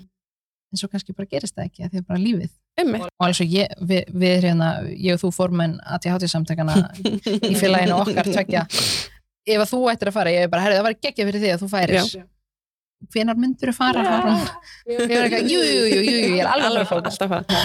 En klálega, og, og þetta eru, þú veist, lífið meðfyrirnar eru, þetta eru þryggja manna lífið meðfyrir, þetta er einn tabla á dag, það sem maður hefur heyrt eins og er voru hérna áður fyrr, er þetta bara allt annað dæmi. Já, Þegar þú ert heimilslaus, þá ert þú ekki, þá er mjög erfitt fyrir þig að vera að halda utanum þryggja mánu að lifja meðferð. Þú bara, það er mjög, þú veist, þú ert bara með bakbúnum bakinu og þar er allt þitt og svo var bakpókun stólið. einmitt, svo er bakmannum stóli þannig að við vorum, að, vorum reglulega heyriðum hittum þau vikulega eða oftar og hérna komum með lifin til þeirra og svona heldum við utanum að pessum og eða aðstöðum þau við að, að muna eftir að taka lifin áður en við höldum áfram. Erstu búin að spotta hálsmenni mitt? eða? Já, ég var um þetta hvað það var er, er, er það nýtt? Já, hvað heldur þetta sé? Ég veit það ekki Nei, þetta er vantilega kynlistæki. að sjálfsögðu Indiana Hefur ekki séð svona? Nei, Oh, Hafrún, ég verð að fara að taka, ég verð að fara að koma heim og ég verð að fara að taka þig. og ég verð að fara að skoða elko þetta með er þér. alltaf svona Þetta er alltaf svona. Indina kemur í heimsón Já. og er eitthvað að perrast. En þetta er svona, ég elska þetta. Þetta er svona, af því þetta er svo lúmst, þú ert bara ekkert eitthvað, hérna, Indina perrakona eða klámkettling, eða séu ég kvöldið um daginn. ákvæmling Það er minnst þetta svona, mér, mér lóks að fara að djamma og vera með þetta uh, fyrir þau sem við Hafrún er náttúrulega einn sem sé mig en þau sem þekkit ekki, þetta heitir hérna svona Le Wand og þetta er svona hálsmenn sem eru rauninni titrari séu takkan hérna, Nei, ég, ég, hægt ég skal sína ég nenni ekki titringurinn tupla hljóði ég skal kveikja á svo eftir Það fyrir er allt til. Það er allt til, þetta er eitt af þessu skemmtilegu sem Elko er með, þannig að farið inn á elko.is skoða þetta, Le Wand og svona hálsmenn. Séu að síma minn. Ha, Nei, Nei, ég er að djóka. ætla þú að fá svona Nei, ég kannski, ég, ég ætla að senda á kærstæðin ég segja, Hafrún, spurði mig. Á hann. hún vill svona. Uh, hún vill það.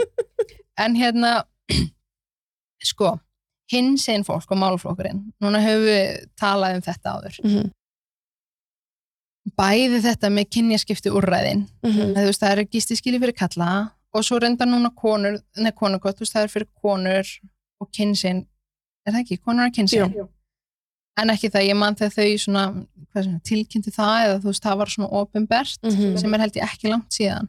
Mhm. þá kom rosa mikið svona bakslag og hérna mótlæti að það bara hvað og að einhverju karlar myndu nú bara þá þykjast vera konur Já, og hérna bara svona, já það er kannski bara mjög tryggjandi einhverju með tippi þannig inni bara mm. -hmm. enginn að flengja fram kynfærnum sínum nei að það er rosa mikið bara líka í, bara almennt í samfélaginu mikil transfóbía Mhm. um, sér, sérðu hins einleikan í málafloknum? Nei bara, nei, ég, ég sá það ekki Nei. ég, e, nei því mér, þá ger ég það ekki mm um, og þarna er held ég líka bara er mjög mikið feimnismál um, hjá fólk sem er í þessar stöðu. -hmm. ég, ég veit svo sem ekki alveg nákvæmlega kannski hvað það er en ég, ég get ímynd með að sé bara svona mikil fólk sem er til dæmis sem eru heimilslaus eru bara stöðut í eitthvað survival móti. Mm -hmm. þau eru alltaf, alltaf í ykkur harki þau eru brinja sér oft mjög mikið upp Já. og eru ekki mikið og eru svona rosa ofta að passa sín ekki á mikla tilfinningar mm -hmm. um, þú veist ekki berskjölda þú veist ekki berskjölda sérstaklega ekki fyrir þeim sem eru líka í þessar stöðu mm -hmm. Þetta er auðvitað stór svona partur myndi ég halda sem spilar þannig inn í Já, að því líka svona ef maður veit almennt hvernig fordómanir eru hvað þinn seginn fólk í samfélaginu mm -hmm. Um, og að því ég meina tölfræðin segir okkar við veitum alveg að það er hinsegin, mikið af hinsegin fólk í, í þessum hó ef fólk var kannski yfir höfuð komið úr skapnum mm -hmm. þá ferðu bara beinustulega eftir inn að því til dæmis að vera eða samkynur kallmaður í gistískilinu mm -hmm. sem er kannski rosa mikið af þessir eitræður kallmennsku menningu sem er almennt í samfélaginu okkar mm -hmm. hvað þá eða þú ert í svona survival of the fittest hope mm -hmm. Uh, þú verður kannski stundum að vera sterkastur og frekastur til að verði ekki fyrir ofbeldi þú verður bara að setja upp einhver svaklega brinni og þú ætlar ekki að sína þessa hlið af því að hvernig samfélagi lítur á samkynnið þetta Mhm. er kvennlegt og heldiskettlingið þín og bara Mhm. að það sem við heyrum almennt hvað þá innan þessa hóps og já ég veit ekki almennt með konunar þú veist eins og ef við tökum bara samkynniðar konur Mhm. um, nei ég veit ekki og það væri þá kannski frekar kannski ef eins og transinstaklingar það væri kannski frekar að þau eru ekki heimiluslaus Mhm. þau eru kannski í úræði eða heimili Mhm. sem þá er kannski svona og það er starfsfólk sem getur veitt þér stuðning það er kannski frekar þar Mhm. en þetta er rosalega falið, er ég held að þetta sé gríðarlega erfitt Mhm. og það er líka bara, ég held að ég veit ekki eins og hvort þau myndi yfir höfuð segja frá því í bílnum í frónni Nei, því að, miður að því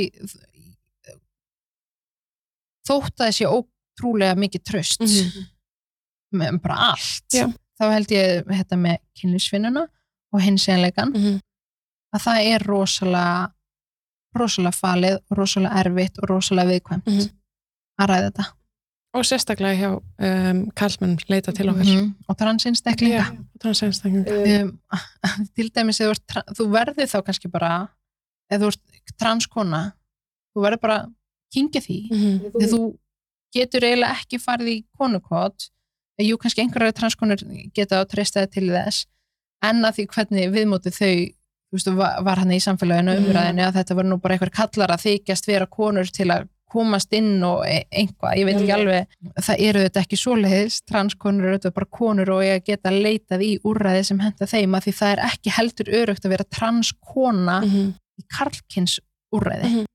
þannig þá þarfst þú bara að vera í karlkins, hvað segir maður bóksunu Mhm. og að þú kannski svona getur verið svona gagkinnið svona passing svona að, nei hérna sees passing fólk heldur bara að þú sért Nei.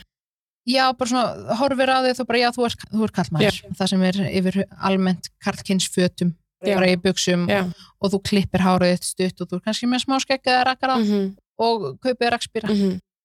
af því fyrir utan á afbeldi sem þau verða fyrir þú ætlar ekki að hleypa þeim að líka þarna Nei. og bara vera ennþá jæðarsettari að því almennt er transfólk mjög útsett fyrir ofbeldi Mhm. og, og heimilislausur mjög út, þannig að þetta er svona samtvinnun breytana þú ert útsettur eða þú ert trans, Mhm. þú ert útsettur fyrir ofbeldi þú ert heimilislaus Mhm.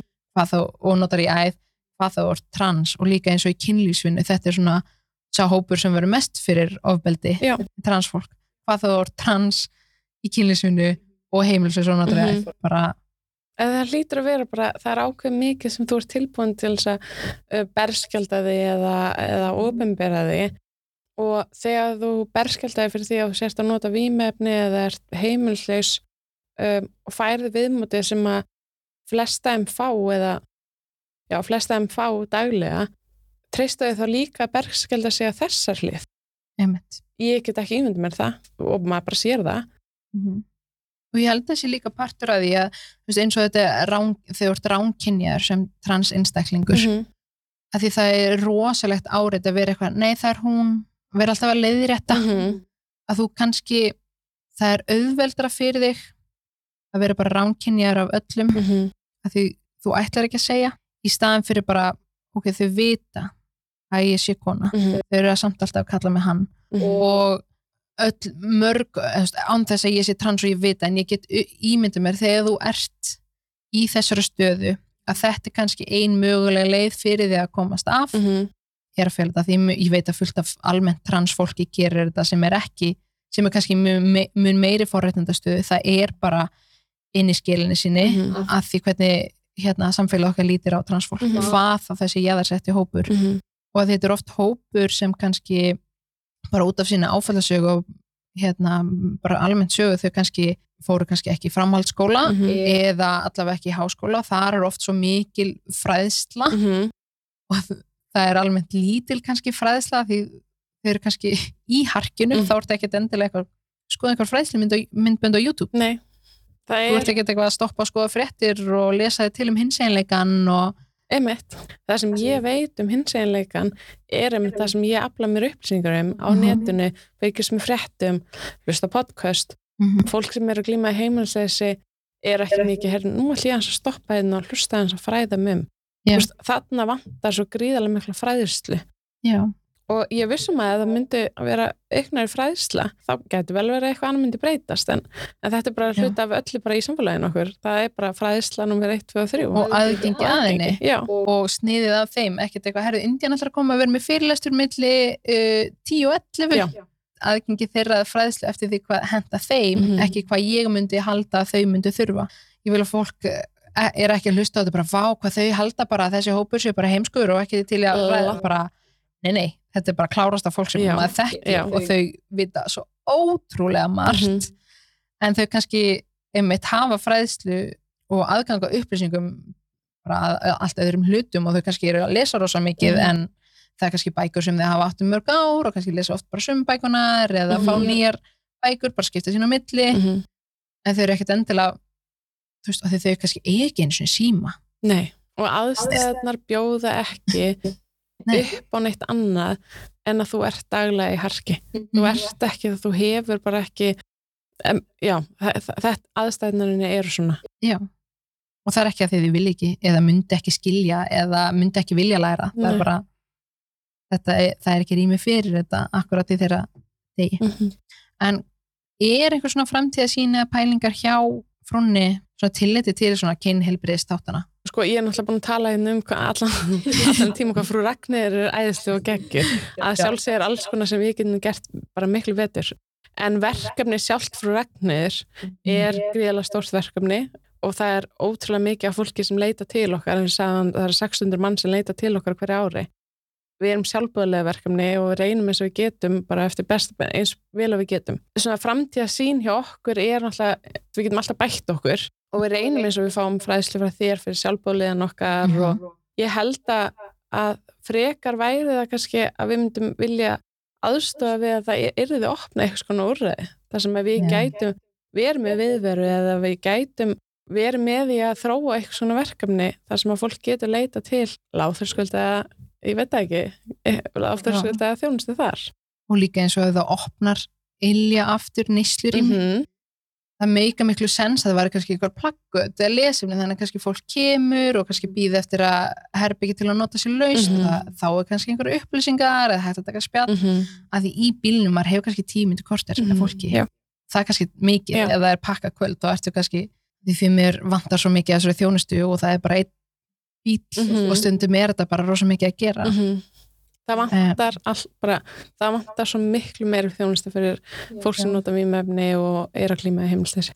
Ertu með eitthvað svona, mér er svo gott að enda svona ráði. Ertu með eitthvað ráð til dæmis til bara fólk sem er að vinna í þessum málaflokk Ég held að sé bara eins og það sem ég kom inn á áðan, það sem að auðvildaði mér strax í starfi, að það vaknaði bara svona klikkaði eitthvað inn í að mér, erum með þetta að hætta að, að taka sjálfa, mig, personuna mig, hafrunu úr myndinni, að íta allir forræðis ekki, virða sjálfsákuninu fyrir eitt fólks og, og reyna eftir bestu geti að sniða þjónustuna sem ég er að veita eftir þeirra þörfum. Það er bara mikilvægast. Já, og hvar getur fólk fengið meira upplýsingar um frúragni? Er það bara frúragnir.is? Það er einn að heima sigur eða eitthvað sinns. Já. Við erum, ég sagði það nú ekki áðan, við erum svo þrjú verkefni á frúragni. Það er bæði á höfuborgarsvæðinu, á Suðunisjum og svo að Akureyri. Og það inn á reyðakvæs heimasigur eða eitthvað sem sérst að finna allar upplýsingar um verkefni. En takk kærlega fyrir komuna hána mín það segja aðeins betur frá þessu tæki sem ég Já, með já. að- Takk fyrir mig, það er enda að drýma að fund